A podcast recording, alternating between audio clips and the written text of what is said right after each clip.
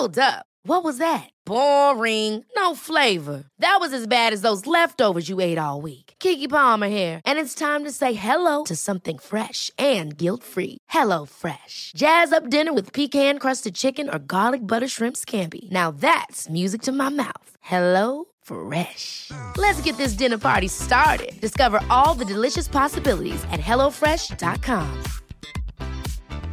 I'm Sandra, and I'm just the professional your small business was looking for. But you didn't hire me because you didn't use LinkedIn jobs. LinkedIn has professionals you can't find anywhere else, including those who aren't actively looking for a new job but might be open to the perfect role, like me.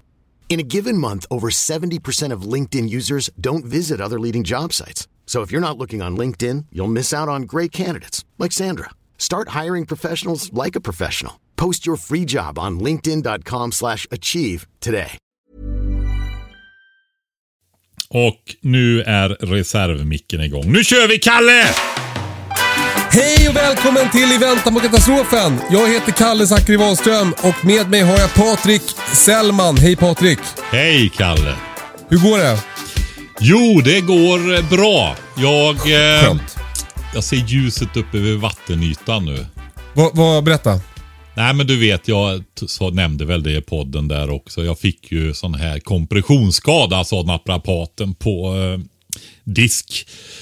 Eh, I maj, den mest hektiska månaden på hela året. Och då jag skulle få iväg kuper och sånt där. Va? Och eh, ja, men jag var jättedålig. Men det rättade ju till sig. Det blev inga diskbrock eller någonting sånt där. Men jag hamnar ju efter. Jag har ju legat efter. Jag har legat och jagat.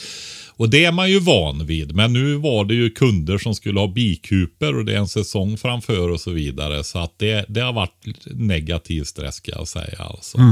Och nu är det ju så att nu är, känner jag, jag ligger fortfarande lite efter men nu är det liksom, det känns som när den här veckan är över så är nästan allting klart. Då, så Gud vad härligt att se fram emot det. Ja, det är det verkligen. Men nu blir det ingen mer sån sommar med, med kuptillverkning. Det kan jag säga. För ja, men du vet, jag lever ju mitt drömliv egentligen. Och så, ja, man är 57 år så där jäkla många somrar till är det inte. Då kan man inte sabba en sommar på det här viset.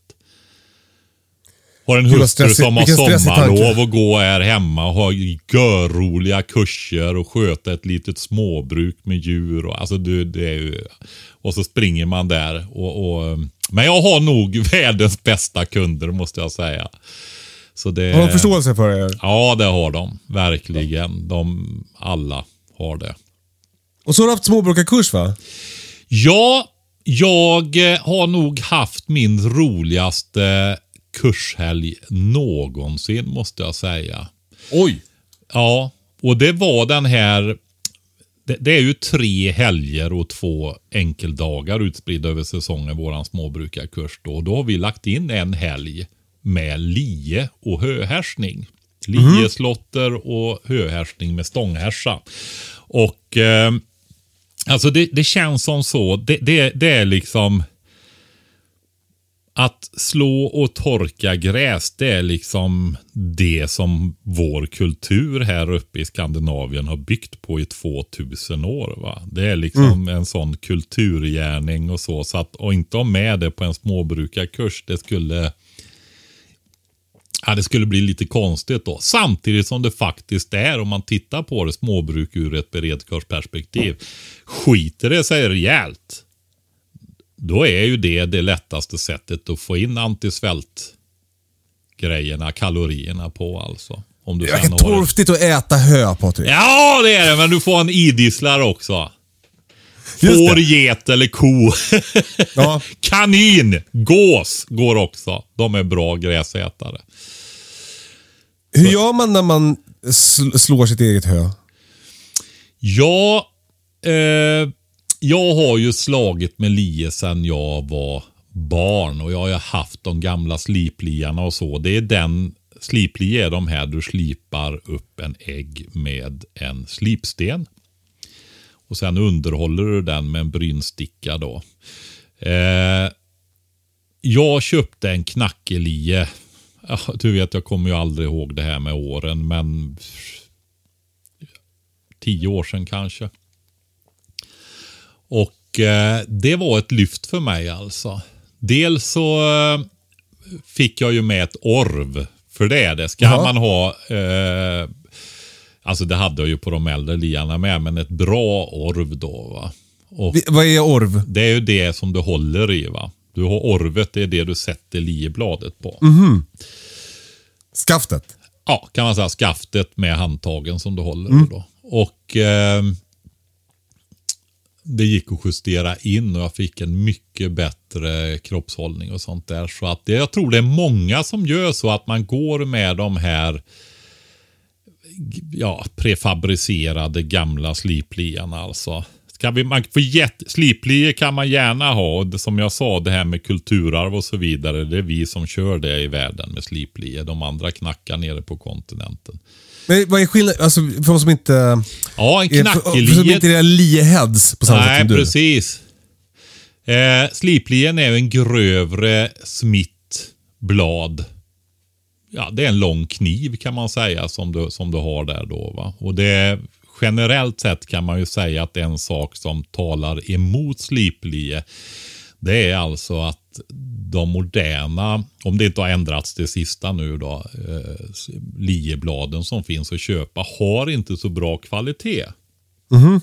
Utan då gäller det att få tag i de här gamla liebladen som hänger på logar och sånt där. Va? Det har jag en del här kan jag säga. Ja, det kan finnas klenoder som folk skulle gråta om de fick tag i där, de som älskar de här liarna. Va?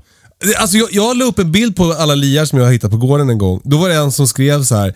eh, eh, Den där bla bla bla, tvåan från höger, den, det är en tysk lia, den är värd 20 000 kronor. Ja, men du förstår, det var så jag menar va? Men då, frågade, då sa jag att han fick köpa den för 10, det ville han inte, så jag tror kanske att han ljög. Jag vet inte. så kan det vara också. Men jag, jag, jag har fortfarande inte fattat vad skillnaden på, på, på liarna är. Vad, vad Ja, är knacklie då? knackelie då. Då har du en, eh, vad ska vi säga, en tunnare plåtblad. Mhm. Det lät ju skit faktiskt tyckte jag själv när jag sa det. Men eh, den är mjukare Jaha. och framförallt så är det väldigt mycket lättare. Och det som gör att äggen håller då, det är det att du kallhamrar den. Du har en liten hammare och en städ. Och så knackar du eh, ute på spetsen då på äggen, va, på fasen. Och eh, då kallsmider du och då får du, då smider du, hamrar du liksom ihop metallen och då blir den hårdare. Och så blir det väldigt tunn ägg där ute. Och den underhåller du också då med ett bryne. Så du håller den vass. Och man knackar lien säger man då istället för att slipa den va. Som du gör med slipstenen då. Och det där var också ett lyft för mig. För jag tyckte att det gick att ha lien vass. Alltså det är ju en skicklighetsfråga va. Eh, för mig passade det bättre. Jag fick en lättare, smidigare lie. Och eh, jag var bättre på att knacka än att slipa lie. då. Va? För du har ju det här, ska du iväg så är det ju bra. Man har ju sett de här bilderna när nybyggarfamiljen i norr skulle gå ut i myren. Då hade de en liten slipsten som de fäste på bärmesen och bar med sig ut va, och riggade upp där så de kunde slipa liarna där ute också. Va. Här har du med dig en liten handslägga av minsta sort och ett litet städ som du slår fast i en stubbe. Va. Så att... Eh, Grejer man inte vill bära. Ja, slipsten vill man inte bära. Så, så är det va. Men, eh, men som sagt, det är sliplien som är vårt kulturarv då för de som vill förvalta det. Så är det. Och ska man, det som var så, gjorde att den här helgen blev så rolig. Alltså det är ju det där att du börjar med helt nybörjare då. Och eh, introducera den här historiken, kulturarvet och alltihopa det där och få dem att tycka att det är, för det är ju småbrukare, de är ju inte här i första hand för att gå liekurs då. Men sen eh, eh, hur du bygger ihop lien, hur den är konstruerad, hur du ställer in den för dig utifrån dina kroppsdelar då. Och eh, olika vinklar och sådana saker. Och Sen får du dem att få lien vass. Lär dem att hålla den vass. För det är ju liksom de två grejerna. Att kunna ställa in lien så att den passar dig och hålla bladet vasst. Eh, liebladet vass. Det är liksom, annars så går det inte. Det är ju liksom den betongplattan i det här, va, grunden. Så att det måste man lära sig först då. Och eh, jag har köpt jiggar. Och eh, det gör att det blir väldigt lätt att knacka de här bladen då. Va? Det är också små grejer, men det blir... Ja, det blir... Hur ser en sån jigg ut? Alltså det är en eh, svarvad stålbit med en plan yta med en pigg som står upp. Jaha. Och den plana ytan då. Eh, och sen på den här piggen så sätter du en eh, konad metallbit då som du trär på den här. Så du slår på den där metallbiten sen. Och då ligger bladet in emot piggen så du har alltid rätt avstånd då. Så har du perfekt koning på den där grejen som du slår på där. Så att den hamrar på exakt rätt ställe hela tiden. Du får ju ingen flexibilitet. Alltså de som är duktiga med det här, får du skador på lien till exempel så går det ju med städ och hammare och smida och laga det helt enkelt. Ja. Men jag tycker att eh, det var rätt stora skador som vi kunde laga med jiggen också faktiskt. Så att, eh, ja men den är, är bra. Det är en liten grej med som sagt som du sätter i en kubbe. Så går du dit och sätter det och, och knackar där om det behövs. Va? Men, jag låtsas bara förstå hur den här jiggen funkar där. Jag, jag fattar inte riktigt. Nej, Men- jag tror det, det där är en sån, det, det är, bild. För Ja. att förklara det. Så vi ni googlar. det. Ja, precis. Eh, Okej, men då har man sin lie i alla fall. Ja, och sen är det ju det här då när de ska slå. Ja. Så eh, måste jag säga att ett grundtips är, som är väldigt bra där när man är nybörjare. Börja slå gräsmattan. Har du en eh, vass lie så går det jättebra att klippa gräsmattan med den alltså. Eh, därför att då ser du bladet hela tiden och du blir tvungen att lägga bladet emot marken eftersom gräsmattan är så kort. Va? Ja. För var det en grej jag märkte under den här dagen med i huvudet, så nästan bara ny, helt nybörjare då, så var det ju det där att de var väldigt rädda om äggen. Så de lyfte ju på bladet och slog lite längre upp va. De, Ja du vet, de vill inte sätta spetsen i backen och ja, det kan ju förstå. Ja, ja, det är en, som nästan du vet en ryggmärgsreflex eller reaktion för många. Ja. Och, och så är det inte, utan det är jätteviktigt att liebladet går på backen. Om du slår i alla fall på en äng eller åker eller någonting där. Va? Och eh, då har du jordningsvinkeln istället. När du lägger bladet på och håller den så som du gör när du slår. Så är det hur högt över marken ligger då äggen. Du kan ju vrida på bladet så att den ligger helt plant och äggen löper precis vid backen. va. Men då blir det minsta sten eller något som står upp där slår ju i äggen. va. Mm, mm. Så då är ju det en kom... Men då å andra sidan blir det absolut mest lättslaget då. För då slår du ju gräset precis nere vid jorden. Jag undrar hur många eh, lyssnare som precis som jag nu måste blunda för att kunna se det här framför mig. Det är så att om du slår av ett grässtrå nära marken så är det ju mycket lättare att slå av. Om man då för att det är stadigare där liksom. Ja, men precis. Du, du, du, infästningen i marken håller ju emot. Om du lyfter lien och slår längre upp, då viker sig ju grässtrået. Va? Just det. Är du med? Det, det tror jag är lätt att förstå även i ljud. Va? Eh, men då är det ju det där att du vill ju inte att lien ska bli slö och skadad hela tiden i äggen där. Va? Utan då böjer man till liebladet och det brukar vara bra på till, eh, bra justerat på köpebladen då. Va? Så ofta behöver man inte greja så jättemycket med detta. Utan då står den upp lite grann så den går en 10, knappt 15 millimeter. Ja, nej, snarare 10 millimeter ovanför backen då. Så att inte det här allra minsta stenarna slår i. Va? Så är det. Men sen, förutom att gå efter backen då och få ner liebladet där, så var det det här att de lyfter upp. Du vet, man slår från höger då till vänster i en rotation och ett drag där. Och då när de lyfter upp och inte får ner liebladet där, då blir ju liksom det som är höger på det här stråket de slår, det blir ju 10-15 centimeter hög stubb där va. Ja, Så ja, att de ja. verkligen håller nere där infästningen från orvet till liebladet där, där tången sitter alltså. Eh, där. Den ska vara i backen när du börjar slå. Va? Så att du Det är så spännande med, med eh, den här typen av aktiviteter, för det finns så mycket ord som man aldrig har hört förut. Ja, men tånge vet väl du vad det är? Nej, Har du ingen kniv med tånge? vad är det? Det är det, är det ut som sitter i bladet. Vadå? Tånge. Vad är det som sitter i bladet? Alltså ditt knivblad sitter ju fast i... I, skaft, eh, i handtaget? Ja, precis. Ja. Kände du inte till det? Nej. Okej. Ja. Nej. Så kan det gå. Ja, så kan det gå.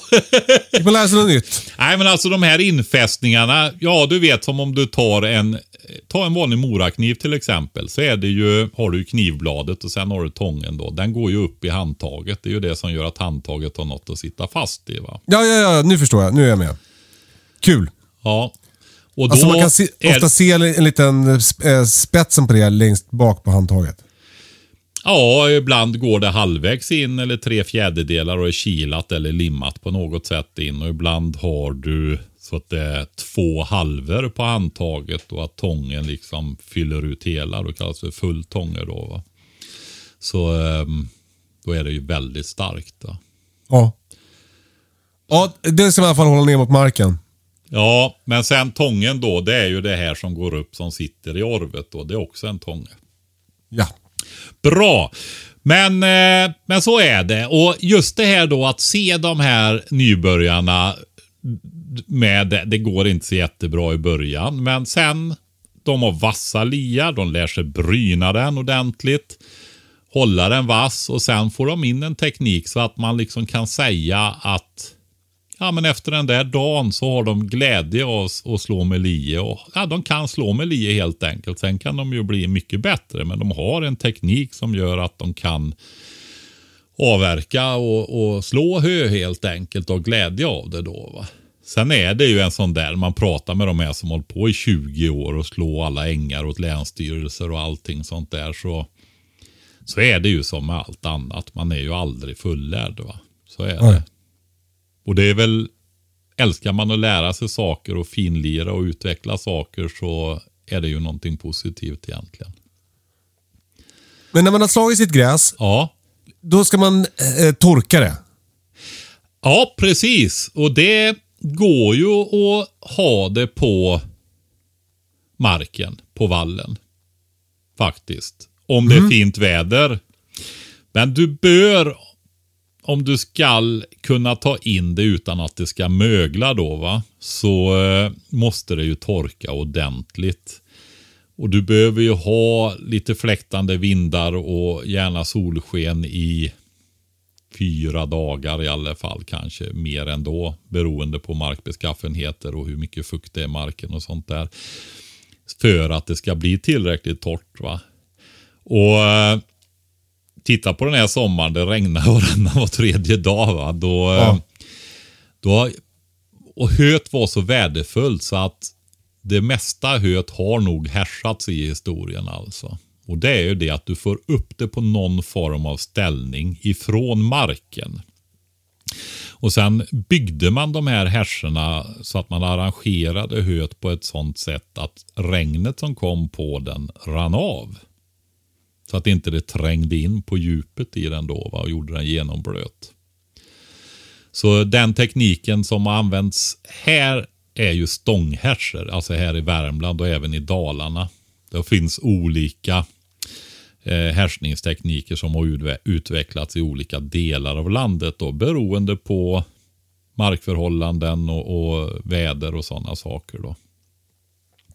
Så stånghärsa den byggs ju upp i, eh, ja, den jag har fått av en vän. Den är i fyra våningar då. Och eh, den översta våningen, du lägger ju hö då. Först lägger du den nedersta våningen och så fyller du på den med fång då. Och det, då måste du bygga upp de här fången för de ska ju vara ganska långa och hänga tvärs över den här stången. Ja. Och jag var orolig här när jag var ner och inspekterade detta innan att går det här att göra ordentliga fång som inte trillar isär? För det var ju så korta strån va. Alltså en sån här riktig mager vall som inte är skött på decennier va. Utan de har bara kört med betesputs över. Så att det blir som en sån där gräsmatta där det är något strå här och var vet du, med mossa i. Så... ehm, Det var inte optimalt för att härsa. Nej, det var det inte. Men jag tänkte det. Att tänk på de här ängarna. Där de gick och bara skördade och skördade förr i tiden. Så de blev så otroligt magra. Va? För de tog ju hem höet och la gödseln på åkern hemma runt gården istället. Just det. Mm, och det gick ju.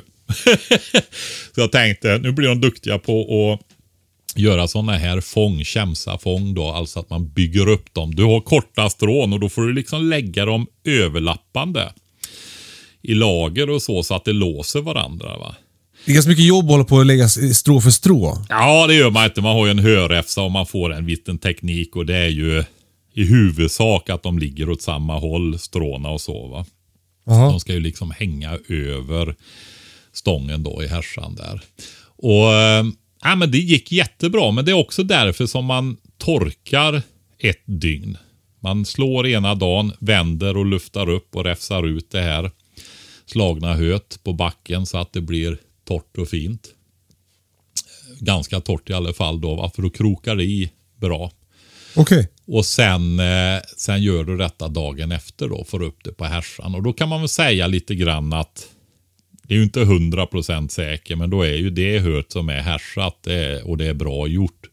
Då har du liksom säkrat höet. Om det ja. inte är extrema förhållanden då, va. såklart. Hur länge ska det hänga på härsan då? Alltså, det beror ju på. Va? Vind torkar ju väldigt bra. Om det inte är eh, storm med regn och grejer då. Va? Men alltså, om det är ett torrt väder och fläktar lite grann, då torkar det väldigt fort. Jag skulle nog säga att efter drygt en vecka, alltså runt tio dagar, då är du, har du, eh, kan du känna. Och det, det ska ju inte vara sekt höet inne i härsan, liksom, utan det ska ju vara lite Ska se vad man ska, hur man ska beskriva det. Men lite knastrigt om man säger så. Är det sekt då är det ju lite för fuktigt fortfarande. va? Förstår du? Om du böjer Ja. på det och känner Ja. på det och, och så, så. Så det ska ju vara, vara torrt då. Och det är ju därför att tar du in det här höet och det är fuktigt då börjar det ju mögla va? och bli väldigt ohälsosamt både för dig och djuren. Så de här moderna teknikerna de har nu med plast och grejer, det är ju någonting annat. Där har du en mjölksyrejäsningsprocess. Så där tar de ju in fuktigt hö. va? Och det går Med flit? Ja, med flit ja. Det ska vara det. Ja. Så, ehm, så får du en mjölksyrningsprocess istället i de här täta. Det ska ju inte, det vet du när du mjölksyrar grönsaker, att det ska ju inte vara någon luft där. Va? Just det. Så är det. Nej, men eh, det som är viktigt då när man härsar, eftersom vi ändå pratar om hur man gör här nu då Ja. på en, med en stånghärsa, så är det ju så här att det översta lagret är taket. Det fjärde stången du lägger på längst upp, den ska ju skydda resten av härsan. Då. Och då lägger du ett tunnare lager där. Och det är för att det liksom inte ska bli genomblött. Eh, utan kunna torka ur också ordentligt. Va? Och där är det extra viktigt det här att du får stråna så att de hänger tvärs över och ner på sidorna. För att då när regnet kommer på härsan så rinner ju det på de här stråna ut på sidorna. Vilket gör att det inte tränger in i härsan. Det blir lite som ett vasstak. Det tror jag är en bra jämförelse. Va? Ja, ja, ja. Men då är det också så att det ska ju vara så att du har fått till sidorna på härsan då. Eh, man brukar gå efteråt och, och snygga till den med en hötjuga eller räfsa eller någonting. Så liksom du kammar den lite grann. va. Och då gör du också så här att du på nedersta lagret när du lastar på där så blir det ju så att lite hö lägger sig på backen eller trillar ner eller någonting. Där river du ur. Det tycker jag är lättast med en hötjuga. Att man liksom skrapar ur längst ner efter backen så det inte ligger en massa hö på backen. Då blir det regn och sånt, ja men då kommer ju det att börja ruttna. Va? Blir dåligt och fuktigt och inte torka och så.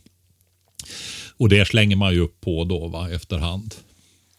Så att när du lägger den ner på backen och tittar under härsan, då ska du i princip se igenom stråna där. Va? Så att det bara liksom stråtoppar som når ner till backen.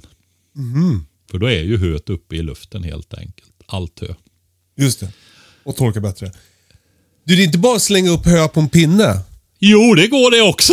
det är en annan härskningstyp. Ja, eh, stackar, eh, höstackar faktiskt. Det har man gjort på, jag tror i Västergötland har man gjort det i vissa bygder. Det är ju en pinne som du sticker Ja. ner i ett spettat hål och sen har du en liten tvärslå som gör att höet inte åker ner på backen då. Va?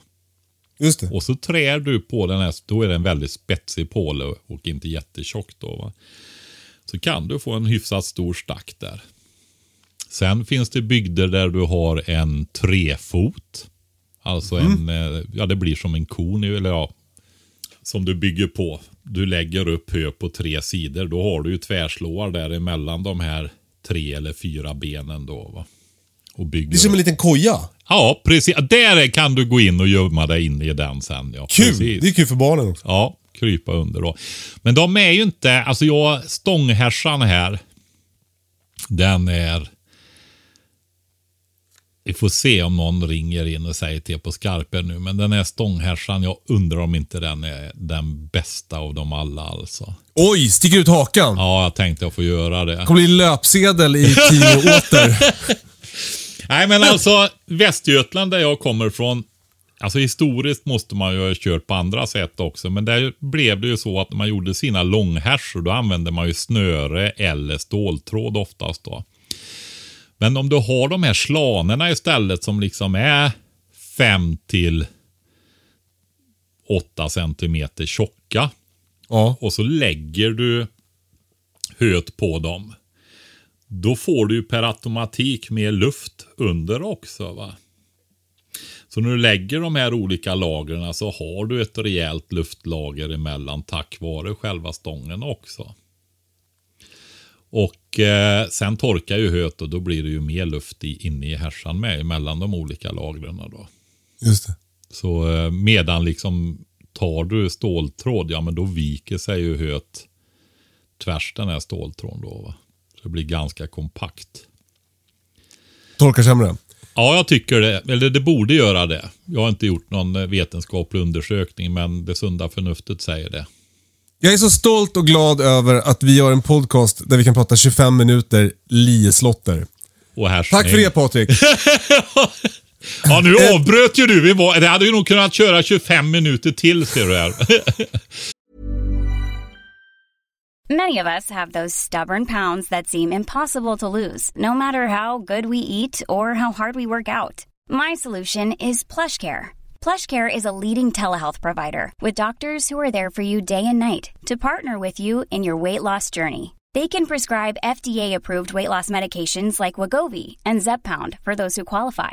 Plus, they accept most insurance plans. To get started, visit plushcare.com slash weight loss. That's plushcare.com slash weight loss. Hiring for your small business? If you're not looking for professionals on LinkedIn, you're looking in the wrong place. That's like looking for your car keys in a fish tank. LinkedIn helps you hire professionals you can't find anywhere else, even those who aren't actively searching for a new job but might be open to the perfect role. In a given month, over 70% of LinkedIn users don't even visit other leading job sites. So start looking in the right place. With LinkedIn, you can hire professionals like a professional. Post your free job on linkedin.com slash achieve today. There's never been a faster or easier way to start your weight loss journey than with PlushCare. PlushCare accepts most insurance plans and gives you online access to board-certified physicians who can prescribe FDA-approved weight loss medications like Wigovi and Zepbound for those who qualify. Take charge of your health and speak with a board-certified physician about a weight loss plan that's right for you. Get started today at plushcare.com slash weight loss. That's plushcare.com slash weight loss. plushcare.com slash weight loss. Vill man fördjupa sina kunskaper får man gå din småbrukarkurs nästa år. Okej, så säger vi. Du, eh, var det något mer du ville säga? Nej, det är bra så jag Nej, bara vi går vidare. skojar. Skönt. Eh, eh, apropå det här med eh, eh, redskap Mm. eh, för odling och trädgård så har vi fått en fråga från Johan. Han skrev att han har precis köpt ett hus och flyttat från lägenhet och kommer äntligen kunna odla lite och öka hemberedskapen. Men nu till frågan. Eh, Johan är lite orolig över skenande priser och det är mycket som måste införskaffas när man flyttar från lägenhet till hus såklart. Hur ska man prioritera redskapsinköpen för odlingar och trädgårdsskötsel? Ses med riktigt bra spade, men sen hackor, krattor och andra redskap. Vart ska man börja om man inte har pengar till allt på en gång? Alltså, jag, jag tycker vi slår fast med en gång. Det där med spade och grep, Ja, det är ju liksom... Det är ju sånt som en människa ska ha va. alltså som händer. Ja, lite som kniv och gaffel och tallrik och sådana saker. Spade och grep, det räknar vi inte in ens en gång tycker jag. Ja men alltså, du, du, ja men så här. Ja. Brevlåda behöver jag ju ha nu när jag har köpt villa. Ja, men hur ska jag ställa upp den? Då måste jag ju gräva ett hål och sätta i en stolpe. Alltså en spade behövs ju... Ja men det måste man ju ha. Ja. Så Känner du någon som inte har en spade, saying. Kalle? Känner du någon som inte har en spade? Eh, ja, ja, det gör jag. Det gör du. Ja. Alltså många som bor i lägenhet saknar en spade. Ja, men har de ingen spade eller så här skyffel med sig i bilen åtminstone? Det är det de inte har Patrik, det är därför vi gör den här podden. Okej. Eh, men okej, så sp- Johan, sp- spade det har du. Det utgår ifrån. Ja, och grep. Och grep, okej. Mm. Sen då? Ja, alltså ska vi, vi göra en sån här... Eh, klarar vi Topp oss fem? Med, ja, ska, klarar vi oss med fem? Vi får göra det. Det ska ju vara lite avsmalat det här basic basic för Mm. odling. Ja. Eh, ska jag börja? Ja, Eh, jag vet inte om jag kan, kan komma på fem om spade och grep inte finns med.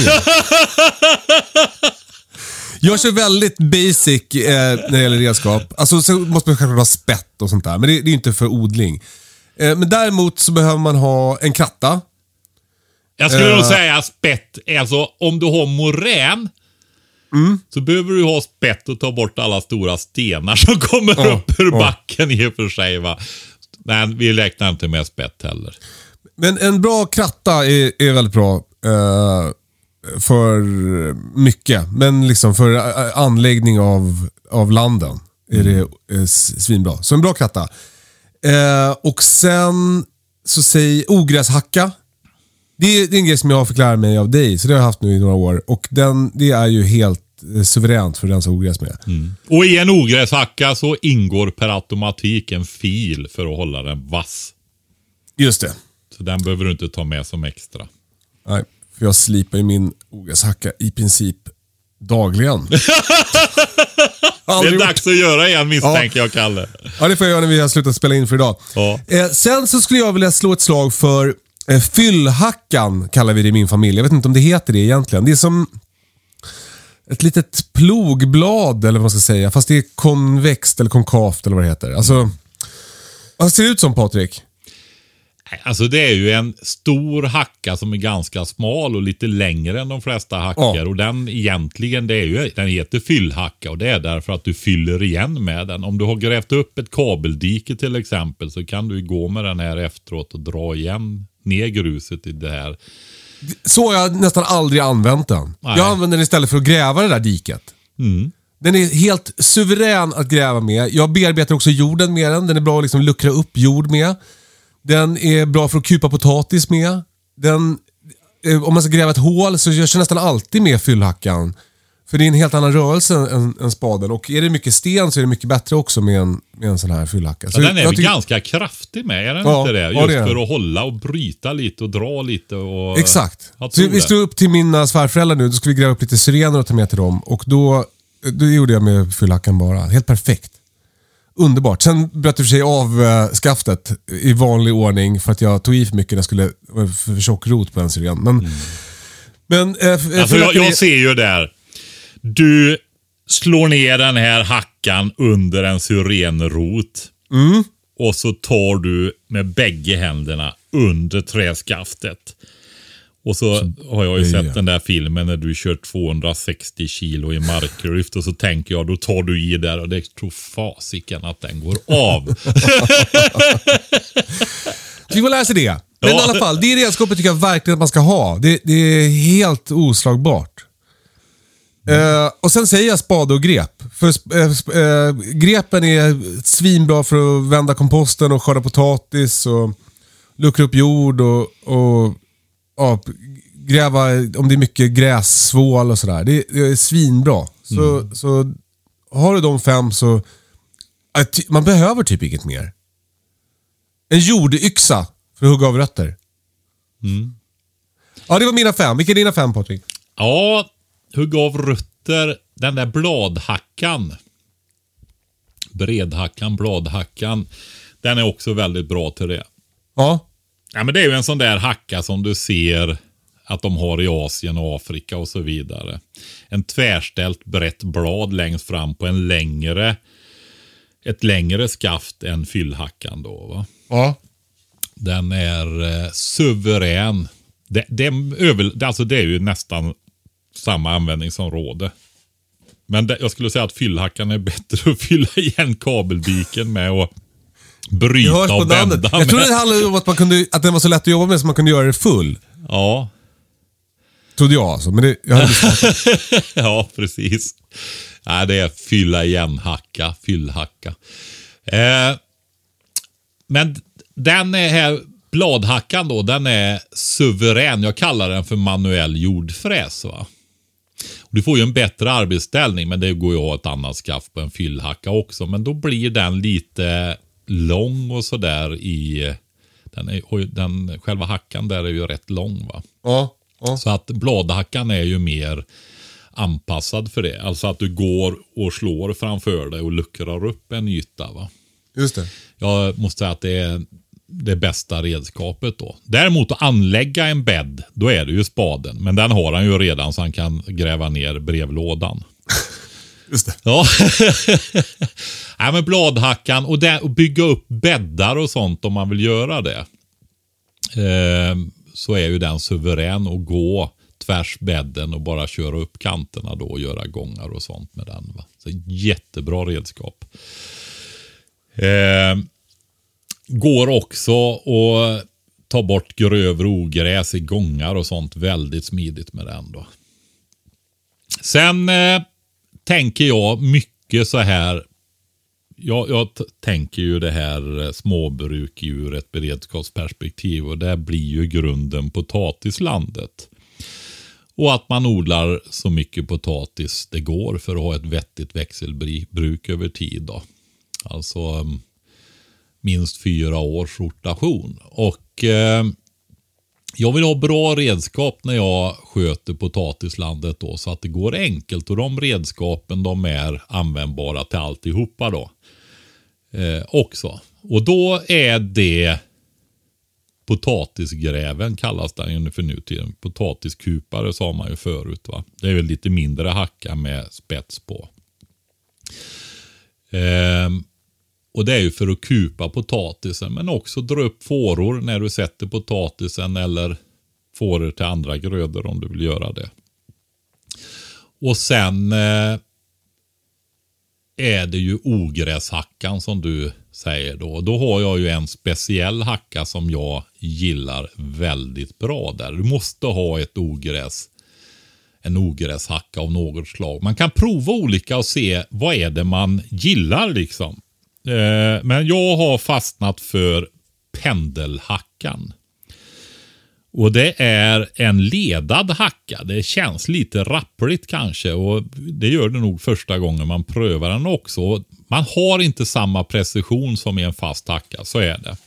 Jag fattar inte, man får väl ingen kraft eller? Hur får du kraft? Jo, det är alltså, den går ju till vissa lägen och så låser den där. Ah, ja. Så att den, när du drar, då får du väldigt bra vinkel att skära av ogräsen. För det är ju det du gör. Du luckrar ju en bit ner och så skär du av alla ogräs. Va? Ja. De som är små, de stör det ju. Men sen kan du bara helt plötsligt växla och trycka istället. Och då viker den sig lite i och med att den är ledad. Så får du en perfekt vinkel när du trycker också. Så du kör både framåt och bakåt, vilket gör att du kör över ett land ja, väldigt fort. va. Du får kontroll över ytorna liksom mellan, mellan eh, rader och sånt väldigt effektivt med den där. va. Men sen vet jag eh, en del, ja den kallas för gångskyffel nu för tiden. Det är ju ett sånt här vasst blad bara. Som sitter i änden på, på en eh, på skaftet. Men då ser du inte den där, så att det kräver lite övning så du vet vad den är. Men de som är duktiga med den, de är, har detta som favoritredskap. Okej. Och det är därför att när du vet exakt var den kanten är på den här skyffeln och gångskyffeln som löp precis under jordytan så kan du komma väldigt nära till exempel en kolplanta, salladsplanta och så. Så att du får bort ogräset. Du behöver nästan inte handrensa alltså. Det låter smidigt. Ja, Men men, är det vet, en du, vet, du vet du inte vad den är, då skär du ju av den. Det blir lite skador första åren du tränar in det på den här. Ja, så är det. Ogräs. Det är tre det va, ogräshackan där. Ja. Så valde pendelhackan. Eh, sen är det ju så här att krattan, det är ju, har du ditt land igång och så vidare så är ju krattan så grundläggande. Speciellt om du ska så. Alltså du gör ju så, bädd, bereder ju såbädden med krattan genom att jämna till den, få bort, städa ur såbädden från sten och, och, och ogräsrötter och sådana här grejer eventuellt. Ja, men sen vänder jag på krattan och tar skaftet och drar upp fåror som jag sår i. Först vattnar jag i dem och så sår jag och krattar över och sen plattar jag till då med den runda eh, krattan i själva såraden också så att det får bra jordkontakt där då. Va? Så att krattan är ju liksom sårredskapet nummer ett då. Alltså man kan säga att du använder tre sidor av krattan då? Ja, Ja, snyggt. dels att du krattar med tänderna men sen vänder du på den och trycker neråt. Så, Patrik, använd krattan istället då. Istället för att göra det med tänderna. Ja, det var ett skämt. Ja. ja.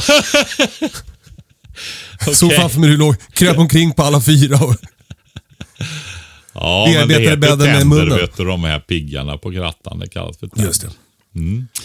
Eh, men sen skulle jag nog ändå slå ett slag för det femte redskapet och det är potatisgrepen. Och det är ju ett kraftigt skaft med fyra eller fem piggar som står ner. Kraftiga piggar som är väldigt bra att ha när du skördar potatisen. Men det är också otroligt bra att ha och gå igenom jord och rensa jord där det är kraftigt ogräs. Liksom jobba dig igenom jord med den. Då får du upp ogräset väldigt, väldigt bra. Så förutom på eh, spade och grep då och spett som vi la vid sidan om. För att, ja. Så, så är det de fem redskapen. Vad var det nu då? Jo, det var bladhacka. Det var Pendelhacka. pendelhackan, det var krattan, det var potatiskupan på slash potatisgräven och potatisgrepen då. Va?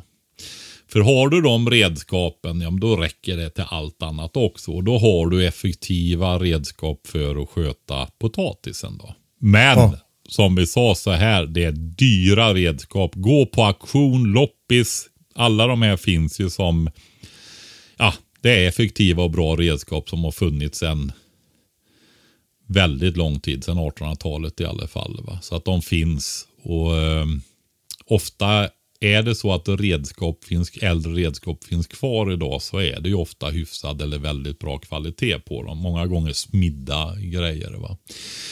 Det här med vi pratar lie med 20 och så vidare. Det finns robusta, fina, rejäla hötjugor att- att- att köpa idag. Men hittar du en fin hötjuga på loppis eller på auktion så får du ett helt annat redskap. Det är mycket lättare och smidigare redskap. Det är ju liksom som påkar de här som finns idag. Va? Och de är smidda och fina och mycket, ja, skulle, ja, de, man, jag tror så här, man kan inte tillverka sådana 20 idag därför att de skulle bli alldeles för dyra. Va? Och så är det säkert med många andra redskap. Med verktyg, hyvlar, stämjärn, lockbettlar, skulpar, allt sånt där. Får du tag i grejer före andra världskriget då går det ju inte att köpa sånt idag nästan. Alltså, eller jo, det gör det. Men då kostar det ju tusentals kronor att köpa en hy- hyvel. Va? Ja. Så, eh, så det Men så det är inte- tipset Johan, köp begagnat. Eh, eh, det kommer att finnas eh, någon som inte använder sina grejer längre eller som har gått bort eller så. Som, Ja, det är går nog du, att lä- lägga vantarna på bra redskap. Åker man på en bonde eller lantbruks eller gårdsaktion så kan det ju bara vara så här att det står en, de bär fram en hög med redskap så får du alltihopa i ett. Om du har tur. Drömmen. Ja, precis. Men eh, ja, jag tror vi är nöjda där va. Snyggt! Du eh, Patrik, Ja, eh, tack gode gud att eh, det är över. ja, jag var på fest igår. sluta ha svensexor på måndagar Kalle. Jag är duktigt trött. Eh, Jag ber om ursäkt till samtliga lyssnare för eh, min osammanhängande hjärna idag. Hoppas det gick att lyssna på. Vi är tillbaka en annan gång med full kraft. Eh, Fortsätt mejla frågor till hejkatastrofen.se och Eh, följ oss på Instagram. I väntan på katastrofen heter vi där. Så ni har det så bra så länge. Puss och kram! Hej då! Hej då.